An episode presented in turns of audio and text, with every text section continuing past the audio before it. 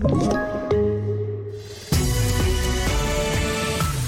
En person misstänkt för branden i Gävle, ojämlik vård för patienter med sömnapné och olagligt ungskog avverkas.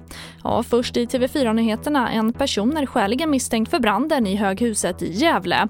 Ingen är gripen, däremot genomför polisen husrannsakan på flera adresser. Branden startade i fredags kväll och pågår fortfarande, men är sedan igår kväll under kontroll. Och händelsen rubriceras fortsatt som grov mordbrand. Utredningsarbetet har fortsatt här under gårdagskvällen och natten och man har då kommit fram till att vi har en skälig misstänkt i nuläget. Eh, det har genomförts en, eh, ett flertal och genomförs också husrannsakan på flera adresser. I nuläget så har vi dock ingen frihetsberövad.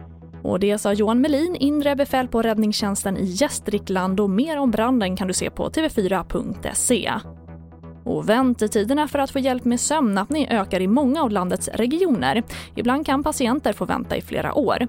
Obehandlad sömnapné ökar risken för bland annat stroke, hjärtsjukdomar och för tidig död. Och Västerbotten är en av regionerna där man kan få vänta upp till tre år på att få hjälp. Här har vi Rangbert Helledej, överläkare på Universitetssjukhuset i Umeå.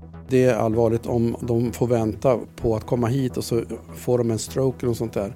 Som tur är så har vi inte haft några många sådana fall. Men när det händer, det är klart att då är det ju o, o, det är inte bra alltså. Och vi avslutar med att skogsbolag har börjat avverka skogar som är så unga att de inte nått upp till lagens krav på lägsta avverkningsålder. Det syns på bland annat flygfoton.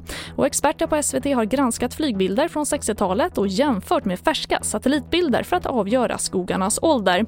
Och då kan man se att flera skogsbolag verkar hugga vad som ser ut att vara olagligt ung skog.